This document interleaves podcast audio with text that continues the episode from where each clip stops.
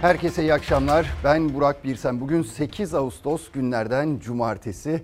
Hafta sonuna başladık. Hafta sonunun ilk günündeyiz. Öncelikle hani sormak isterim size nasıl girdiniz hafta sonuna diye. Durumunuz nasıl? Kendinizi nasıl hissediyorsunuz? İyi misiniz? Hoş musunuz diye. Tabii bu iyilik göreceli bir şey. Kimi sağlığım yerinde iyiyim der.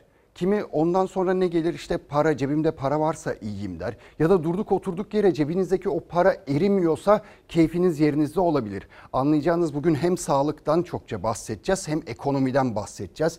İşte son günlerde biliyorsunuz döviz kurunda inanılmaz bir artış vardı. Altın fiyatında artış vardı ve bundan sonra bize nasıl yansıyacak? Mesela zam olarak yansıyacak mı? Onu konuşacağız bugün. Tabii ki ekonomi ekonominin siyasetteki yansımalarına da değineceğiz. Muhalefetin hedefinde kim var derseniz Maliye Bakanı Berat Albayrak vardı ve Cumhurbaşkanı'na muhalefet topyekün bir çağrıda bulundu.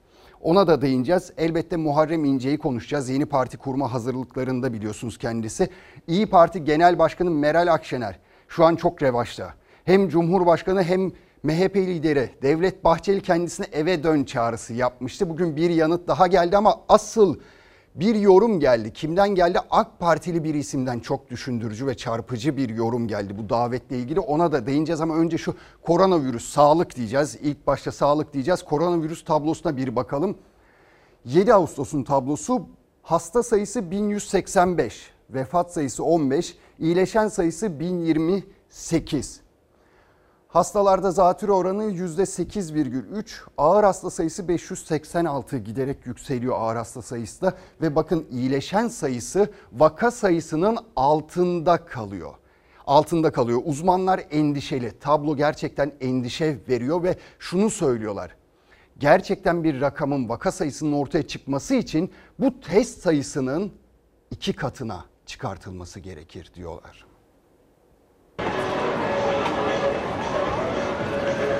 Maalesef e, salgın durdurulamıyor. Yani pandemi hız kesmedi. Dünyada hızlanarak devam ediyor. Türkiye tabii çok işte Amerika Birleşik Devletleri kadar, Çin kadar, Rusya kadar yüksek sayıda testler yapamayabilir ama en azından 100 binin üzerine çıkarılması gerekir. Ne kadar çok test yapılırsa o kadar vaka bulunuyor. Uzmanlara göre salgının önüne geçilmesi için en az 100 bin test yapılması gerekiyor. Sağlık Bakanlığı'nın açıkladığı son tabloya göre de son 24 saatte 56 binin üstünde test yapıldı. Günlük vaka sayısı 1185'e yükseldi. Şu anda bu testlerle bizim bulduğumuz vaka sayısı günde 1100'ler civarında. Ancak bir de bunun 10-20 katı kadar hastalığı taşıyan yani virüsü vücudunda bulunduran ancak belirtisi olmadığı için tanı koymadığımız grup var. İşte o hastalar başkalarına da bulaştırmasın, salgın yayılmasın diye yeterince test yapılması çok önemli. Test sayısı 45 binin üstüne çıktığından bu yana yani 4 Ağustos'tan itibaren günlük vaka sayısı kritik eşiği aştı, binin üstüne çıktı. Enfeksiyon Hastalıkları Derneği Başkanı Profesör Doktor Mehmet Ceyhan'a göre maske ve mesafe tedbirinin yanı sıra salgının sıfırlanması için tek çare test. Virüsü taşıyan insanları yeteri kadar tespit edemezseniz e, o insanlar toplum içerisinde dolaşıp virüsü yaymaya devam ediyor. Bunları da taramadığınız sürece vakaları güvenli düzeylere yani sıfıra yakın rakamlara indirmeniz mümkün değil. Yeni hasta sayımızda artış devam ediyor. İyileşen hasta sayımız dün olduğu gibi yeni hasta sayısından az. Sadece günlük vakaların sayısında değil, ağır hasta sayısında da artış var. Yaşam mücadelesini verenlerin sayısı 580'den 586'ya yükseldi. İyileşenlerin sayısı ise düştü. 15 hastanın da hayatını kaybetmesiyle salgının başından bu yana yaşamını yitirenlerin sayısı 5813'e yükseldi. Böylelikle acı tablo tahminlerin de ötesine geçti. Gerçekten ilk başladığımızda hani bu sürecin daha kısa olabileceğini hep iyimser tahminlerle söyledik. Bilim Kurulu üyesi Profesör Doktor Tevfik Özlü'ye göre uzun bir süre daha salgın devam edecek. %100'e yakın korunmanın yolu ise zor değil. Sağlık Bakanı'nın sık sık hatırlattığı sosyal mesafeden ve maskeden geçiyor yolu. Biraz terletir ama yüksek ateşten korur. Diğer insanlarla her halükarda bir buçuk metre mesafeyi koruyacağız. maskemizi takacağız. Yani bunu, bu iki tedbire uysak aslında yüzde yüze yakın korunmuş oluruz. Yayılımı durdururuz. Yani vakalarımızı sıfırlayabiliriz. Tabii Sağlık Bakanı bakın her fırsatta söylüyor. Elbette maske takın, mesafeyi koruyun, temizliğe dikkat edin diyor. İyi güzel, hoş söylüyorsunuz ama yaptıklarınızla söylemler biraz çelişmiyor mu? Yani mesafeye uyun veya maske takın diyorsunuz ama kamuoyunda ne kadar gerçekçi bir etki yaratıyor bu? Vatandaşlar, insanlar, yurttaşlar, toplumdaki kişiler buna ne kadar dikkat ediyorlar ya da ne kadar uyuyorlar? Kurduğunuz cümlenin içi boş mu kalıyor yoksa? Görünen o ki şu son 15-20 günde gördük ki o cümlenin içi boş kalıyor. Siz istediğiniz kadar buradan uyarıda bulunun yansıması farklı oluyor. Toplumdaki yansıması, sokaktaki yansıması bambaşka oluyor. Birazdan tekrar konuşacağız tabii onu da geleceğiz diğer haberlere. Mehmet Ceyhan bakın şunu söylüyor. Bulaşmanın %98'i 97'si bir haftada engellenebilir diyor. Çok ciddi yani %100'e yakın bir rakamdan bahsediyor. Ne yapmamız gerekir? Mesailer kademelendirilmeli. Bu birinci seçenek. Toplanmalara sınırlama getirilmeli. İşte düğün, dernek ve plajlara dikkat etmek gerekiyor. İnsanlar gittikleri adreslerde kaydedilip kayıtları tutunsun ki bulaş riski, bulaşma riski ne ölçüde yayılıyor onu kontrol altına alabilelim diye. İşte haberde söylemişti zaten kendisi de 100 bin test yapılmalı günlük diye ve 65 yaş üzeri için bakın çok hayati bir şey bu 65 yaş üzeri için güvenli alan ve zaman dilimi ayarlanmalı. Yani bu insanlar için belki mahallelerde özel parklar belirlenmeli. Gidecekleri yerler özel olarak belirlenmeli ve başka kimse oralara alınmamalı gün içinde veya bankalarda vergi dairelerinde 65 yaş ve üstünün gidebileceği saat dilimleri belirlenmeli. O insanlar benle veya benden biraz daha genç arkadaşlarla veya biraz yaşlı arkadaşlarla, yaşı büyük olan kişilerle aynı ortamda tutulmamalı. Bunlar çok önemli. Bakalım Sağlık Bakanlığı bunlara ne kadar kulak veriyor onu da bilmiyoruz. Henüz böyle bir şey yapılmadı. Ben haftalardır bu 65 yaşın üzerine özellikle basıyorum. Özellikle üzerinde duruyorum ama henüz bir şey olmadı. Şimdi hani şu sahiller falan denetlenmeli diyorduk ya işte düğün dernek buralar kontrol altına alınmalı. Askeri uğurlamaları kontrol altına alınmalı. İçişleri Bakanlığı biraz geç de olsa bir adım attı, bir harekete geçti. Ve artık hem düğünler hem sahiller denetim altına alınacak ve 3 gün 3 gece çok sıkı denetlenecekler.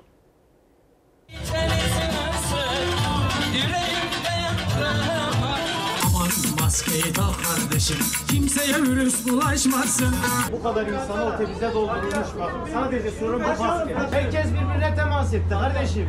Bu maske mi seni kurtaracak kardeş? Hayırdır? Toplu taşıma araçlarındaki kalabalığın önüne hala geçilemiyor. Ama 81 ilde kapsamlı denetimler sürüyor. Hafta sonu düğünler ve sahillerdeydi sıra. Maske ve mesafe kuralına uymayanlar uyarıldı. Cezalar kesildi. Biraz mesafelerimizi açalım lütfen. Aman maskeyi tak kardeşim Sosyal mesafeye dikkat Normal. Hepsini ölçüyor musunuz? Bravo. Bütün düğüne yerine. Var mı yüksek çıkan? Cuma gecesi başlatılan sıkı denetimlerin ilkini bizzat İçişleri Bakanı Süleyman Soylu yaptı. Polis çiftin düğününe maskeyle katıldı, ateşi ölçüldü. Alanda da sosyal mesafe kuralına uyuluyordu. Hem mesafeye dikkat edilmiş, hem maskelere dikkat edilmiş. Örnek düğün oldu bu. Mesafeye dikkat edelim. Maskelerinizi takalım efendim. Kırıkkale'de ise müzisyenler uyardı düğündekileri. Ancak İstanbul'daki düğünlerde yine ne mesafe kuralına uyuldu ne de maske takan vardı.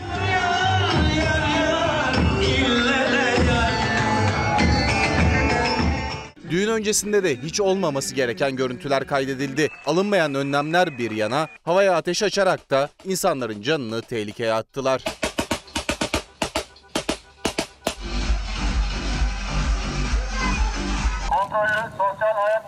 Ege ve Akdeniz sahillerinde de bayram tatilindeki kalabalık azaldı. Orada da denetimler vardı. Hatta denizden bile uyarı yapıldı. Temizlik, maske ve mesafe kurallarına riayet edelim. 1 Haziran'daki normalleşme adımlarıyla İçişleri Bakanlığı'nın sona erdirdiği %50 kuralından sonra ise toplu taşıma araçları çok kalabalık. Antalya'daki halk otobüsünde maskeyi yanlış taktığı için iki yolcu uyarıldı. O yolcularsa otobüsteki yoğunluğa tepki gösterdi. Kardeş korona hastalığı var da bu kadar insanı niye bir otobüse dolduruyorlar? Hayırdır? Abi maskeyi takıyor musun?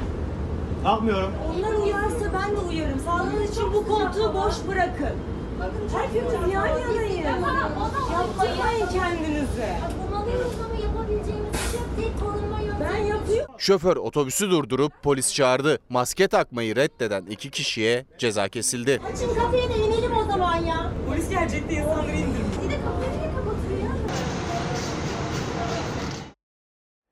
Açıkçası şu 15 günde son 15 günde her şey bir normale döndü havası estirildi. İşte tablo değiştirildi, tablodaki veriler değiştirildi, insanların aklında şüpheler yaratıldı. İşte biliyorsunuz Ayasofya Camii ibadete açıldı. O meydanda 350 bin kişi toplandı. Arkasından bir kurban bayramı yaşadık. Kurban bayramında da gördük ki sahillerde iğne atsanız yere düşmüyor. İnsanlar neredeyse üst üste güneşleniyorlardı. İnanılmaz görüntülerde yani bir yandan el öpmeyin diyordunuz kurban bayramında öbür taraftan sahilleri açıyordunuz ve denetim yapılmıyordu yeteri kadar. İşte yürümeyin, birlikte olmayın, eylem yapılmasın, miting yapılmasın diyordunuz. Baro başkanları 200 metre daha yürütülmezken Ankara'da siz ne yaptınız? Plajlarda partiler verilmesine belki de göz yumdunuz, müsaade ettiniz. Oralara yeteri kadar özen gösteremediniz. Tamam işte otobüsteki tartışmayı gördünüz. Onu gördük, beraber gördük. İnsanlar bazı insanlar tabii kurallara uyanları tenzih ediyorum. Bazı insanlar özen göstermemiş olabilir, dikkat etmemiş olabilir ama yönetenlerin şu görüntülerde ve bugün gelinen tabloda hiç mi kabahati yok? Yani bütün suç vatandaşın mı? Onu da bir düşünmek gerekiyor. Şimdi yönetenlerden bahsetmişken nereye bakacağız? Okullara bakacağız. Şurada 20 gün kaldı okulların açılmasına. 20 gün sonra yeni eğitim öğretim yılı başlayacak ama biz hala şu yeni öğretim yılına nasıl gireceğiz? Ne şekilde gireceğiz? Okullar nasıl hazırlandı? Hiçbir şey bilmiyoruz. Daha doğrusu Milli Eğitim Bakanlığı henüz Milli Eğitim Bakanlığı henüz okullara bir tebliğ de göndermedi. Yani nasıl hazırlanacaklarına dair bir bilgi de vermedi ve Milli Eğitim Bakanlığı'na sormak gerekiyor. Daha neyi bekliyorsunuz? Okul başlarsa nelere dikkat etmen gerektiğini biliyor musun? Sosyal mesafeye, hiçbir yere dokunmayacağız. Tek oturmamız lazım. Bir de Maske takmalıyız. açılırsa gönderecek misin? Bilmiyorum. Şu an ikişer kişi oturuyorlar ama mesafe yok. Birazcık mesafe olsa böyle tek oturabilirlerse olabilir yani. O da kendi birazcık dikkat edecek. Ne yapalım yani? Okullarda yüz yüze eğitimin başlayabilmesi için gerekli hazırlıklarda geç kalındığını düşünüyoruz. Aslında pek razı değiliz ama eğitimi de alması lazım. Veliler kararsız, eğitimciler de tedirgin. 31 Ağustos'ta okulların açılması için Milli Eğitim Bakanlığı hazırlıklarını sürdürüyor ama o tarihe 3 hafta kalmasına rağmen henüz okullara bildirilen bir yol haritası yok. Şu ana kadar herhangi bir okula Milli Eğitim Bakanlığı 31 Ağustos'a dönük alınacak önlemler ve yapılacak işlerle ilgili herhangi bir yazı tebliğ etmiş, göndermiş değil. 31 Ağustos'ta yüz yüze eğitimin başlaması öngörülüyor ama okullarda henüz bir hazırlık yok. Oturma düzeni nasıl olacak? Sıralar nasıl ayarlanacak? Özellikle ortak kullanım alanlarındaki organizasyon nasıl gerçekleşecek? Okullara henüz bilgi verilmedi. Milli Eğitim Bakanlığı ortaya senaryoları koymuş olsa da şu ana kadar yapılan hazırlıklar, atılan adımların yeterli olmadığı açık. Resmen açıklanmasa da bakanlık 18 milyon öğrenci için 4 farklı senaryo üzerinde çalışıyor. Yüz yüze eğitim ya da öğrenci sayısı azalsın diye yarı zamanlı eğitim seçenekler arasında. İldeki vaka sayılarına göre karar alınması ise bir başka senaryo. Son seçenek ise yine uzaktan eğitim. Sınıfında kaç kişi var arkadaşın? E, 40. Mesafenizi koruyabilir misiniz okulda? Koruruz. Öğrencinin okula gitmek için evinden çıktığından yeniden evine dönene kadar tüm aşamaların ayrıntılı şekilde planlanması ve tüm aşamalarla ilgili gerekli önlemlerin alınması gerekiyor ki okullar yeniden açılabilsin. Bunun için de ek bir bütçenin ve ek personelin mutlaka ve mutlaka okullara tahsis edilmesi gerekiyor. 3 haftada bu hazırlıklar yetişebilecek mi? Eğitim Sen çok da umutlu değil. Zaten sendikanın anketine göre de eğitimcilerin %96'sı salgın sürerken okulların açılmasının tehlikeli olduğunu düşünüyor. Bir de sıcak Almanya örneği var. İki eyalette pazartesi günü açılmasına karar verilen okullar cuma günü salgının yayılması üzerine yeniden kapatıldı. Eğitim Sen'in eğitim sekreteri Özgür Bozdağ'ın da öğrencilerin, velilerin ve eğitimcilerin önlerini görebilmeleri için şimdiden net bir açıklama yapılmasını istedi. Okullarda yüz yüze eğitimin başlamasıyla birlikte salgının yeniden yayılmasının artabileceği ve ciddi sıkıntılar yaşanabileceği de açık bir şekilde görülüyor. Evet bu kadar uyarıya, bu kadar konuşulan şeylere rağmen acaba Sayın Milli Eğitim Bakanı neyi bekliyor? Bir tebliğ, bir bilgilendirme göndermek için okullara 20 gün kaldı. Sadece 20 gün kaldı ve ben açıkçası kendi adıma inanamıyorum. Yani inanmıyorum. Bunların düzenli bir şekilde hayata geçirileceğine pek şey vermiyorum ihtimal vermiyorum. Neden diyeceksiniz? Şimdi bir metre mesafeden bahsediyor Sayın Milli Eğitim Bakanı ama uzmanlar diyor ki en az iki metre sınıf şey dersler derslikler arasında yer olması lazım. Sıralar arasında mesafe olması lazım diyorlar. Bunu ayarlayabilecek misiniz? İşte öğrenci diyor ki 40 kişilik bir sınıfta okuyorum ben diyor. O sınıfın mevcudunu siz 10 kişiye nasıl indireceksiniz? Kalan 30 çocuğa nasıl eğitim vereceksiniz? Ne şekilde eğitim vereceksiniz? Her şey belirsiz. İşte tuvaletlerin sayısı arttı mı? Tuvaletlerde hijyeni nasıl sağlayacaksınız? Temizlik malzemesi, maske için okullara bir bütçe ayırdınız mı? Ek personelden bahsedildi bakın. Ek personel aldınız mı acaba? Bu tür hazırlıklarınız var mı? Biz hiçbir şey bilmiyoruz ve okulların açılmasına sadece ve sadece 20 gün var. Sadece yönetenler seyrediyor gibi bir tablo çıkıyor ortaya da. Şimdi umarız tabii düzelir bunlar. Siyasete bir geçelim bakalım. Siyasetin en sıcak başlıklarından biri neydi? MHP lideri Sayın Devlet Bahçeli'nin yaptığı eve dön çağrısıydı. Meral Akşener'e eve dön çağrısı yapmıştı. Cuma günü de Sayın Cumhurbaşkanı eve dön çağrısını yinelemişti Meral Hanım'a karşı. Şimdi AK Partili bir isimden Şamil Tayyar'dan çok önemli bir açıklama geldi. Uyarı niteliğinde bir açıklama. Dikkatle izleyiniz haberde ama asıl yanıt nereden geldi derseniz İyi Parti sözcüsünden geldi. Yavuz Ağralioğlu'ndan geldi. Cumhur İttifakı'nın içine girmeyiz dedi. Sayın Bahçeli'nin daveti ise benim yadırgadığım bir davet değildir. O da olabilecek bir en makul çizgide davettir. Temenni ederim ki birlik beraberliğin tesisine yönelik inşallah bir adım olabilir. Muhalefetten kendi tarafınıza adam almaya çalışıyorsanız bunun Türkçesi şudur Akif Bey.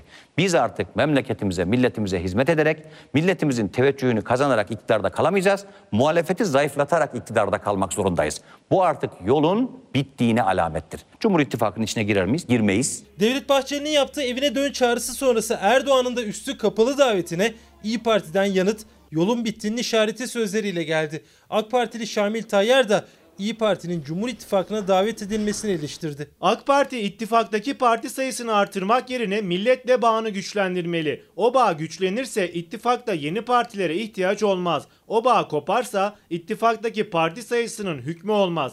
Yeni Türkiye eski Türkiye adetleriyle kurulmaz. Türkiye'de her şeyi yapmak imkanı ve gücü elinde bulunduran bir iktidar var. Milletinize verdiğiniz sözleri tutarak siyasi kuvvetinizi artırırsınız. MHP lideri Bahçeli Meral Akşener'e Ayasofya ziyareti sonrası evine dön çağrısı yaptı. Yani Cumhur İttifakı'na davet etti.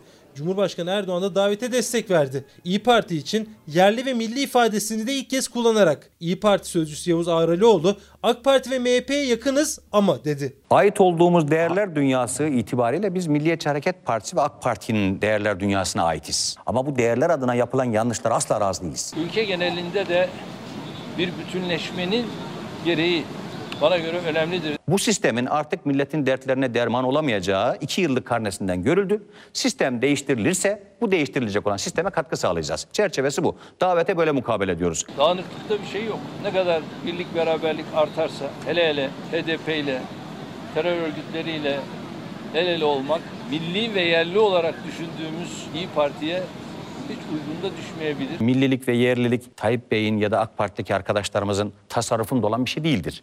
Ama nihayetinde daha önce çok ağır ithamlarla e, seçim meydanlarında e, ilzam ettikleri, itham ettikleri bir partiyi bugün milli ve yerli olarak takdim etmelerini kıymetli de buluyoruz. Cumhuriyet tarihinin ilk Cumhurbaşkanlığı seçimi 10 Ağustos 2014'te yapıldı. Tüm partiler karşımızdaydı. FETÖ tüm gücüyle sahadaydı. Tek başınaydık, başardık. Bugün tek başına olmuyorsa muhakeme ve muhasebeye ihtiyaç var. Yeni partilere değil. İyi Parti'nin yanıtı AK Parti içinden de eleştiri. Cumhur İttifakı'ndan gelecek yeni açıklamaları çevrildi gözler. Tabii AK Parti Şamil, Şamil Tayyar'ın eleştirileri ve yorumları şu yaptığı açıklama çok dikkate alınması gereken bir açıklama. Ne diyor Şamil Tayyar? Sayın Şamil Tayyar AK Parti ittifaktaki parti sayısını arttırmak yerine millet bağını güçlendirmeli. Milletle bağını. O bağ güçlenirse ittifakta yeni partilere ihtiyaç olmaz. O bağ koparsa ittifaktaki parti, parti sayısının hükmü olmaz diyor.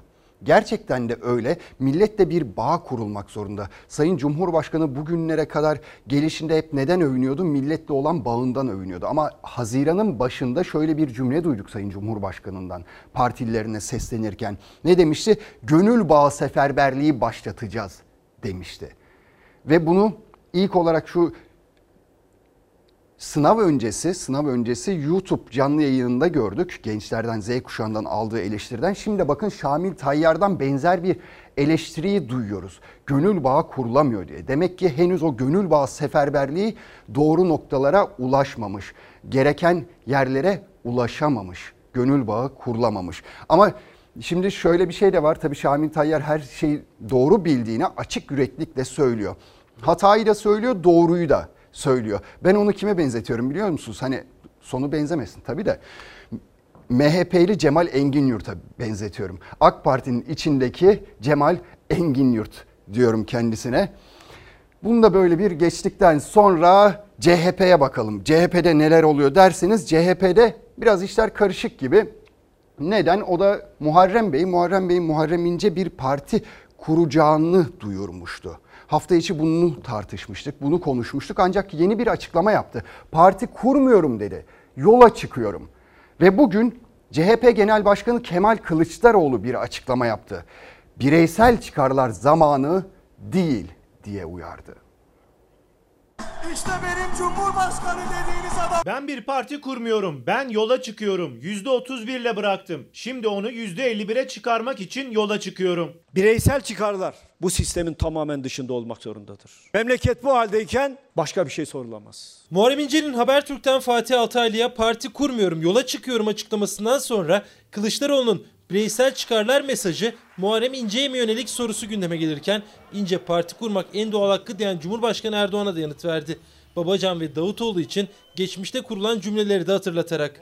Sayın Muharrem Bey ile ilgili olarak o da onun en doğal, en tabii hakkıdır. Bir tarafta AK Parti'den ayrılanlara ümmeti bölmeyin. CHP'den ayrılma iddialarına en doğal hakkı deniliyor. Diğer taraftaysa AK Parti'den ayrılanlar demokrasi kahramanı, CHP'de rahatsız olanlar sarayın adamı. Yok birbirinden farkları. Siyaset kulislerinde günlerdir Muharrem İnce'nin parti kuracağı iddiası konuşuluyor. CHP Genel Başkanı ve kurmayları sessiz kalırken Cumhur İttifakı ortaklarından arka arkaya açıklamalar geldi.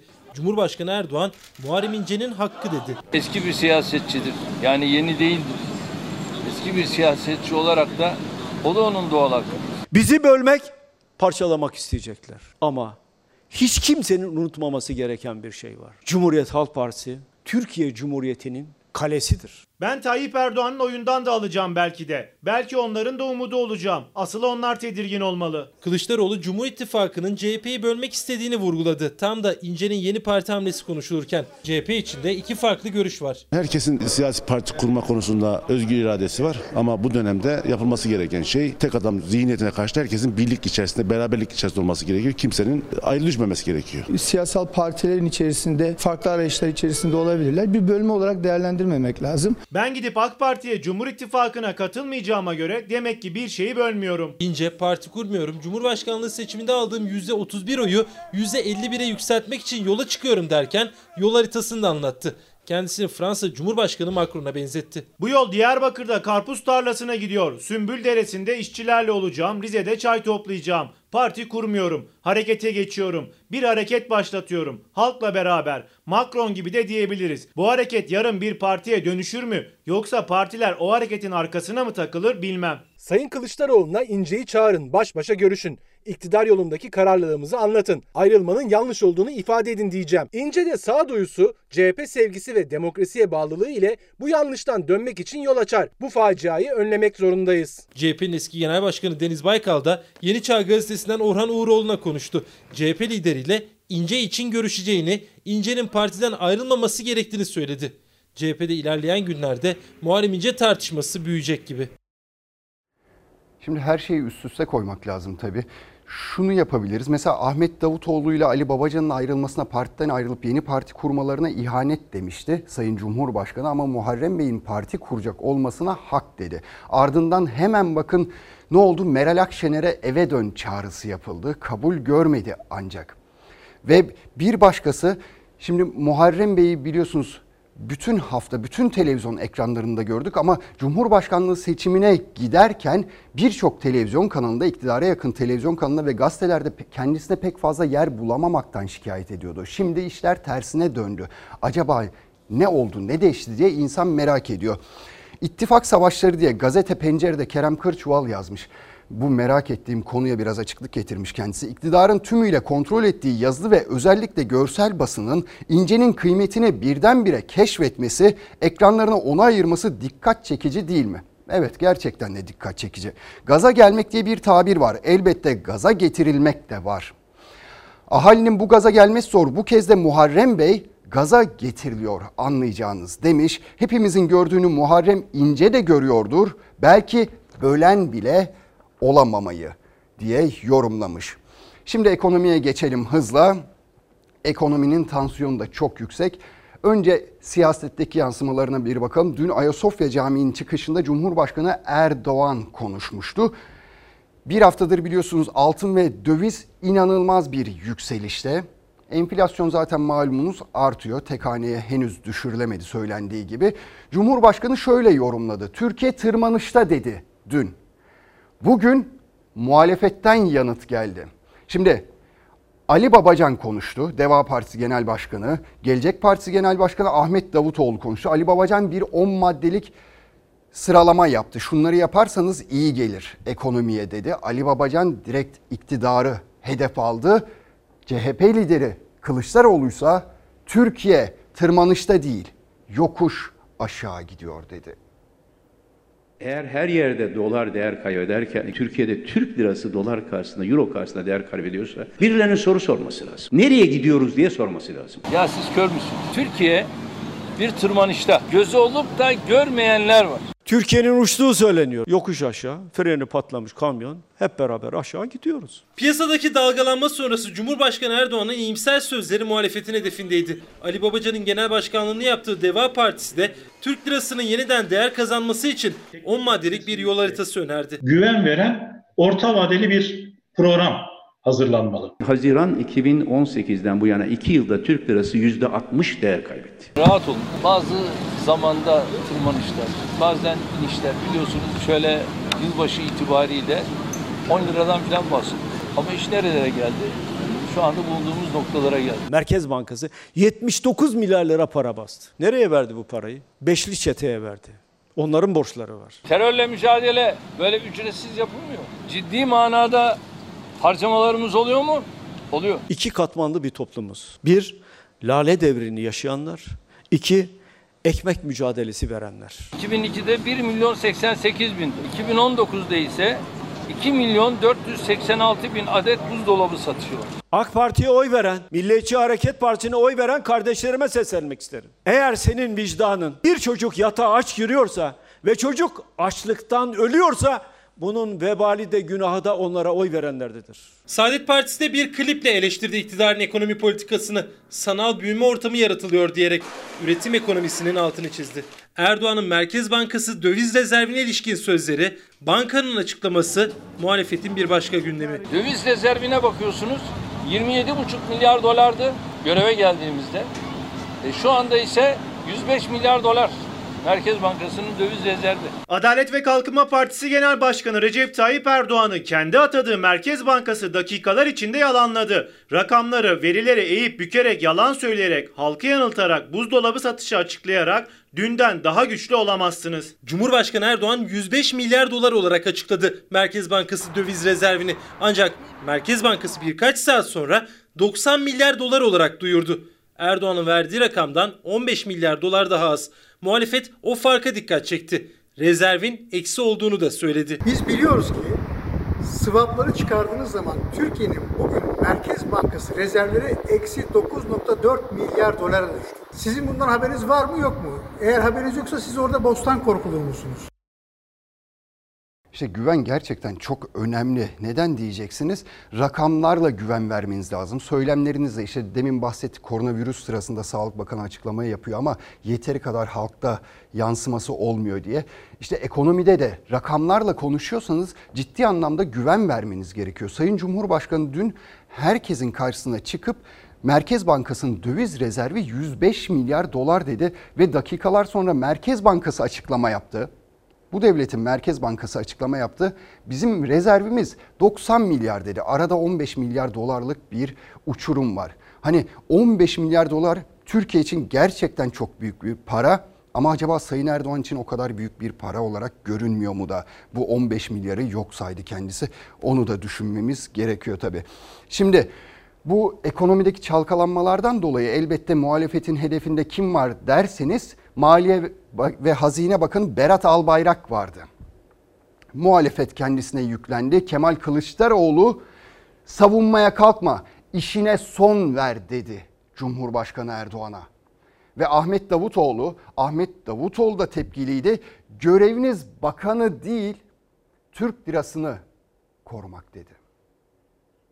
Erdoğan'a bir çağrım var. Sayın Erdoğan, hala bu milleti seviyorsan, hala bu milletin perişan olmasını istemiyorsan ilk yapacağın iş o sosyete damadın görevine son vermektir. Ekonomi, Hazine ve Maliye Bakanımla ilgili yaptıkları karalamalar, şunlar bunlar vesaire bunların hepsi bunlar yetişemedikleri yüzüme diyor. Onu savunmaya kalkma görevden alınması toplumu rahatlatacak. Cumhurbaşkanının sahip çıktığı Berat Albayrak'a yeni günde tepkiler sürdü. Kılıçdaroğlu Hazine Bakanı görevden alınmalı derken Davutoğlu da Cumhurbaşkanına seslendi. Neymiş de emperyalistlere karşı Hazine Maliye Bakanlığı koruyacakmışız. Arkadaşlar bizim görevimiz bir bakanı korumak değil. Bizim görevimiz ve sizin göreviniz Türk lirasını korumak. AK Partililer Sayın Albayrak'ı korumaya çalışıyorlar. Bizimse korumaya çalıştığımız milletin kendisi. Göreve geldiğinden bu yana muhalefetin hedefinde Hazine ve Maliye Bakanı Berat Albayrak. Döviz ve altın fiyatlarındaki son dalgalanma sonrası sosyal medyada muhalefet cephesinde de Hazine Bakanı'na istifa çağrıları yükseldi. Cumhurbaşkanı bakana sahip çıktı. Al kardeşim bunu görevden. Bu işi bilen dünya kadar insan var. Efendim faizi düşüreceğiz, ekonomi düzelecek. E ne oldu Merkez Bankası? Faizleri yükseltti. Hani düşüyordu? Bu kadar beceriksiz bir yönetim Türkiye Cumhuriyeti tarihinde hiç gelmemiştir. Alabilir mi görevden? Almaz. Alamaz. Beceremez. Güvenemez. Çünkü Türkiye Cumhuriyeti devletinde güveneceği adam yok. Sosyal medyada yaptıkları karalamalar, şunlar bunlar vesaire. Sen ülkeye bak, ülke, ülke nerede? Herhangi bir bakana bir eleştiri geldiği zaman bakanlar çıkıp da hesap vermiyorlar. Millet hesap vermek yerine sosyal medya oyunlarına yöneliyorlar. İstifa çağrılarına karşı AK Parti'de kabinedeki isimler de Berat Albayrak yalnız değildir diyerek sosyal medyadan Hazine Bakanı'na destek verdi. Muhalefet ise ekonomi yönetiminin hesap vermesi gerektiğini söyledi. Demokrasilerde eş, dost ve akrabaların üst makamlara getirilmesi kabul edilebilir bir şey değildir. Bütün bunlara rağmen Sayın Berat Albayrak gelmiş olduğu bu görevde başarılı olmuş olsaydı belki de işin bu kısmını göz ardı etmiş olabilirdik. Bu şartlar altında Maliye ve Ekonomi Bakanı Sayın Berat Albayrak'ın esasen derhal görevini bırakması gerekir. Bizim beklediğimiz kendisinden budur. Evet şu da garip. Yani iki gündür, üç gündür hatta bir haftadır Maliye Bakanı Berat Albayrak'tan böyle doyurucu bir açıklama da gelmiyor. Kendisi ortalarda yok. Hani sağlık durumunda bir şey mi var diye insan endişe ediyor. Yani tweet de atılmıyor, herhangi bir açıklamada sesli bir açıklaması da olmuyor kendisinin. İşte ülkenin durumu ortada altın almış başını gidiyor, döviz almış başını gidiyor. Faizlerin yükselmesi gibi bir durum söz konusu. İnsanlarda biraz endişe var tabii. Ne yapacağız? Neye yatırım yapacağız? Elimizdeki para ne olacak? Daha fazla eriyecek mi diye bunlara Sayın Maliye Bakanı'nın da bir açıklama getirmesi gerekiyor. İşte muhalefetin de derdi ortada. Ama dikkat ettiniz mi hiç? Eskiden bu muhalefet tarafından yapılan söylemler, açıklamalar iktidara yarardı. Ama şimdi bir bakıyorsunuz iktidarın yaptığı açıklamalar muhalefete yarıyor. Daha doğrusu iktidarın yaptığı açıklamalar işte bu rakamlar üzerine vesaire üzerine yaptığı açıklamalar bumerang gibi dönüyor kendilerini vuruyor. Demin işte olduğu gibi Sayın Cumhurbaşkanı 105 milyar dolar rezerv var diyor.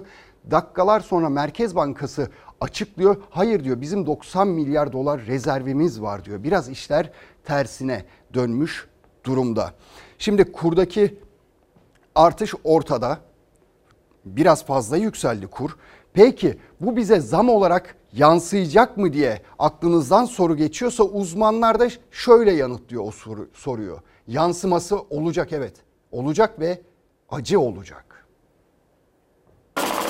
Döviz kurundaki bu sert oynaklıklarla mal ve hizmetlerdeki zam kaçınılmaz. Bunun ekonomiye, maliyetlere yansımasında acı bir durumu olacak. Ekonomi uzmanlarının uyardığı gibi de oldu. Dövizdeki sert yükseliş ilk zammı da beraberinde getirdi. 16 kuruşluk artışla motorinin litresi 6 lirayı geçti. Ülkede görüyorsun, şartları görüyorsun. E, iş yok, güç yok. Eriyoruz ya, bildiğin insan eriyor ya.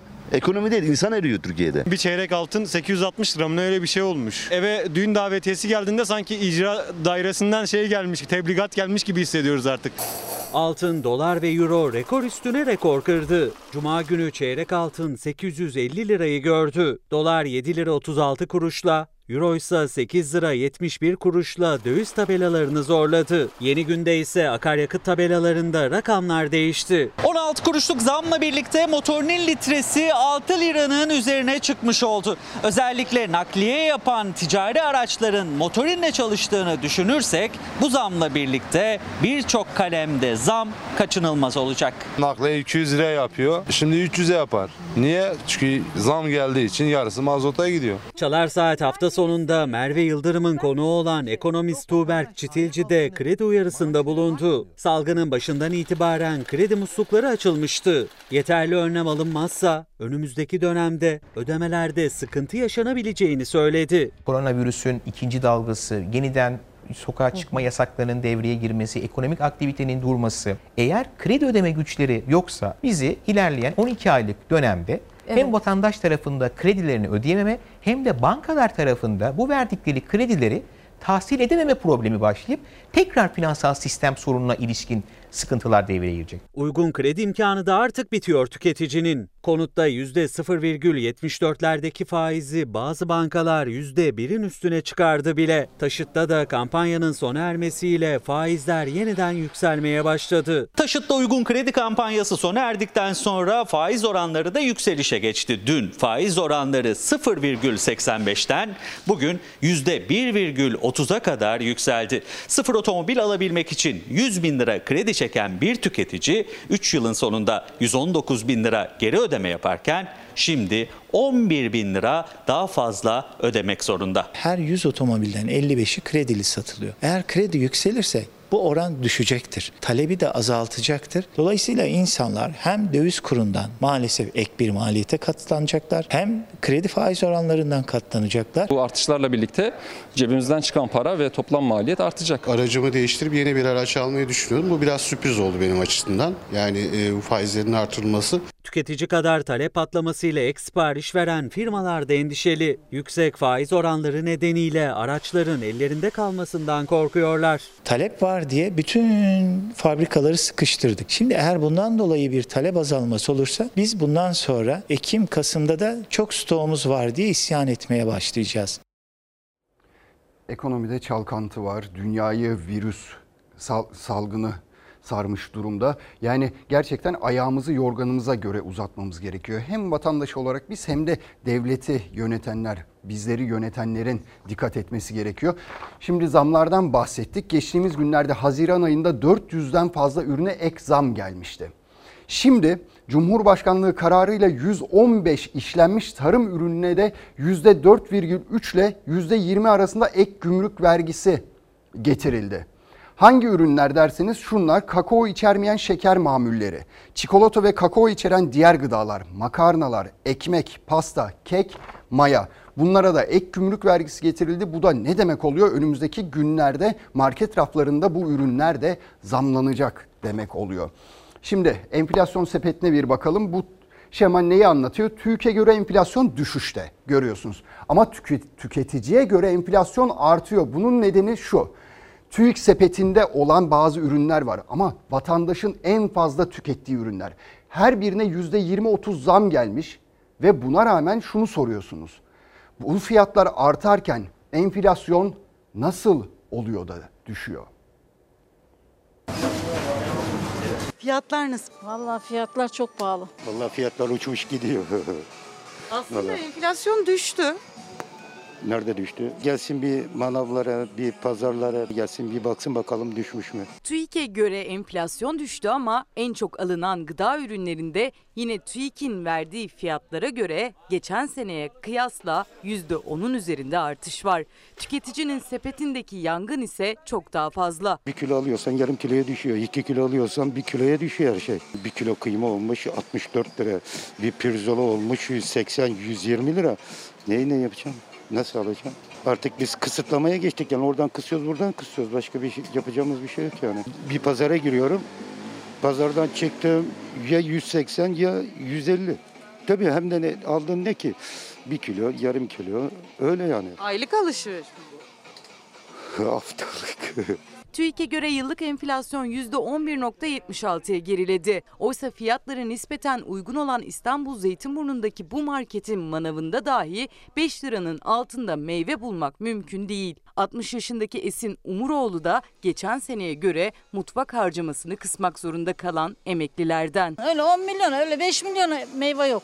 14 lira kilosu. Bir emekli maaşımız var. Bir emekli maaşında iki kişiyiz bak yetmiyor. İki kişiyiz yetmiyor emekli maaşı. Ne kadar alıyorsunuz emekli? 2000 lira. Geçen sene aldığımızı bu sene alamıyoruz. Geçen sene yediğimizi bu sene yiyemiyoruz. Özellikle salgının başlarında raflarda bulunamaz duruma gelmişti makarna. Talep çok artmıştı ama fiyatları biraz daha makuldü. Ama geçen sene Temmuz ayına kıyasla bakıldığında resmi verilere göre bile artış %21 civarında. Sadece makarna değil TÜİK'in enflasyon sepetine göre peynir, pirinç, bulgur gibi birçok kalem bir yılda açıklanan yıllık enflasyonun da üzerinde zamlandı. Peynir 27 liradan 30 liraya, pirincin fiyatı 9 liradan 10 lira 78 kuruşa ulaşırken bulgur %17 zamlandı. Fiyat araştırması yapıyorum. Yağ vesaireler lazım. Hanım bir şeyler söyledi de. Tabii. En uygun neyse oradan mı alacaksın? Daha mantıklı değil mi? Personel taşımacılığı yapan Bülent Kartal da zorlanan tüketicilerden. Oğlu Ömer'i de yanına alıp eşinin verdiği listeyi tamamlamak için market market geziyor. Önce fiyat araştırması yapıyor. En uygun ürün neredeyse listeyi ona göre tamamlıyor. Yağ var, un, şeker, bulgur vesaire. Artış hissediyor musunuz? Tabii ki tabii ki fazlasıyla. O yüzden mi market market geziyor? Evet. Mesela bayramdan hemen önce e, yumurtalar bayağı bir uygundu. Bu bayram üzeri zam geldiği aşikar. O yüzden bakıyoruz işte hangisi uygunsa. Beyrut'taki patlamanın ardından Türkiye Lübnan'a desteğini artırdı. Cumhurbaşkanımızın ve Türk milletinin geçmiş olsun dileklerini ve başsağlığı dileklerini iletmek üzere bugün buradayız. Özellikle sizlerin yanında olduğumuzu göstermek için Sayın Cumhurbaşkanı yardımcımızla birlikte geldik. Türkiye Lübnan'a desteğini artırdı. Mersin ve İskenderun limanlarını Lübnan'ın hizmetine sundu. Facianın yaşandığı Beyrut'taki patlamanın yeni görüntüleri ortaya çıktı. Lübnan'ın başkenti Beyrut'u yerle bir eden patlama sonrası enkaz altında kalanlar için umutlar tükeniyor. 60'tan fazla kişi halen kayıp.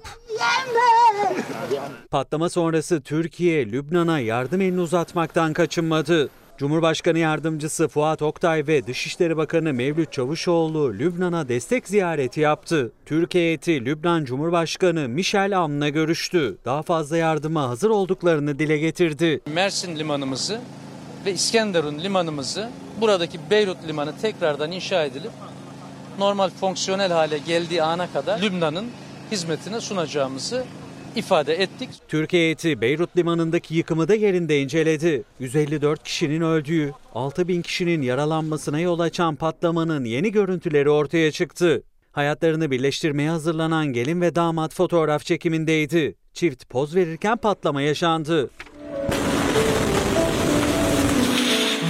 Başka bir çiftin kilisede evlilik töreni vardı. O anda dışarıdan büyük bir gürültü duyuldu. Herkes ne olduğunu anlamaya çalışırken patlama oldu. Liman yakınlarındaki bir binada bakıcı 3 çocukla pencereden 2750 ton amonyum nitratın tutulduğu depoda çıkan yangını izliyordu. O anda hepsi patlamaya tanıklık etti. Patlama liman yakınlarındaki bir mobilya mağazasının kameralarına da yansıdı. Patlamanın şiddetiyle içeride kalan bir çalışan metrelerce uzağa fırladı. Reklam zamanı. Yeniden merhaba. Biraz önce bültenin içerisinde okullarımızdan bahsetmiştik. Bu şartlarda nasıl açılacağını sorgulamıştık ve görmüştük ki yeterli önlemler henüz alınmamış. Henüz fazla bir şey yapılmamış. Okullar bilgilendirilmemiş. Bir izleyicimiz mesaj atmış. Aynı zamanda eğitimci kendisi. Şöyle söylüyor. Burak Bey ben İzmir'in göbeğinde bir devlet okulunda 23 yıllık sınıf öğretmeniyim. Geçen gün okula gittim baktım müdürüm dezenfektan bile dezenfektanı bile kendi cebinden almış ve kendisine şunu söylemiş. Herhalde demiş velilerimizden her ay bir velimizden bir galon dezenfektan istemek zorunda kalacağız. Bir devlet daha dezenfektanı yollamamış. Bunun sonu nereye varır? Şaşkınım demiş izleyicimiz. Gerçekten ben de bir veli olarak şaşkınım. İşte birçok okulda, birçok devlet okulunda belki özel okullarda da bu sorun vardır. Yaşanıyordur. Umarım yetkililer sesinizi duyarlar. Öğretmenlerin ve velilerin sesini duyar bir çözüm bulurlar. Bizden hemen sonra Bay Yanlış ekranlarınıza gelecek. Yarın saat 19'da yeniden buluşuncaya dek yüzünüzü güldüren güzel haberler alırsınız umarım. Hoşçakalın.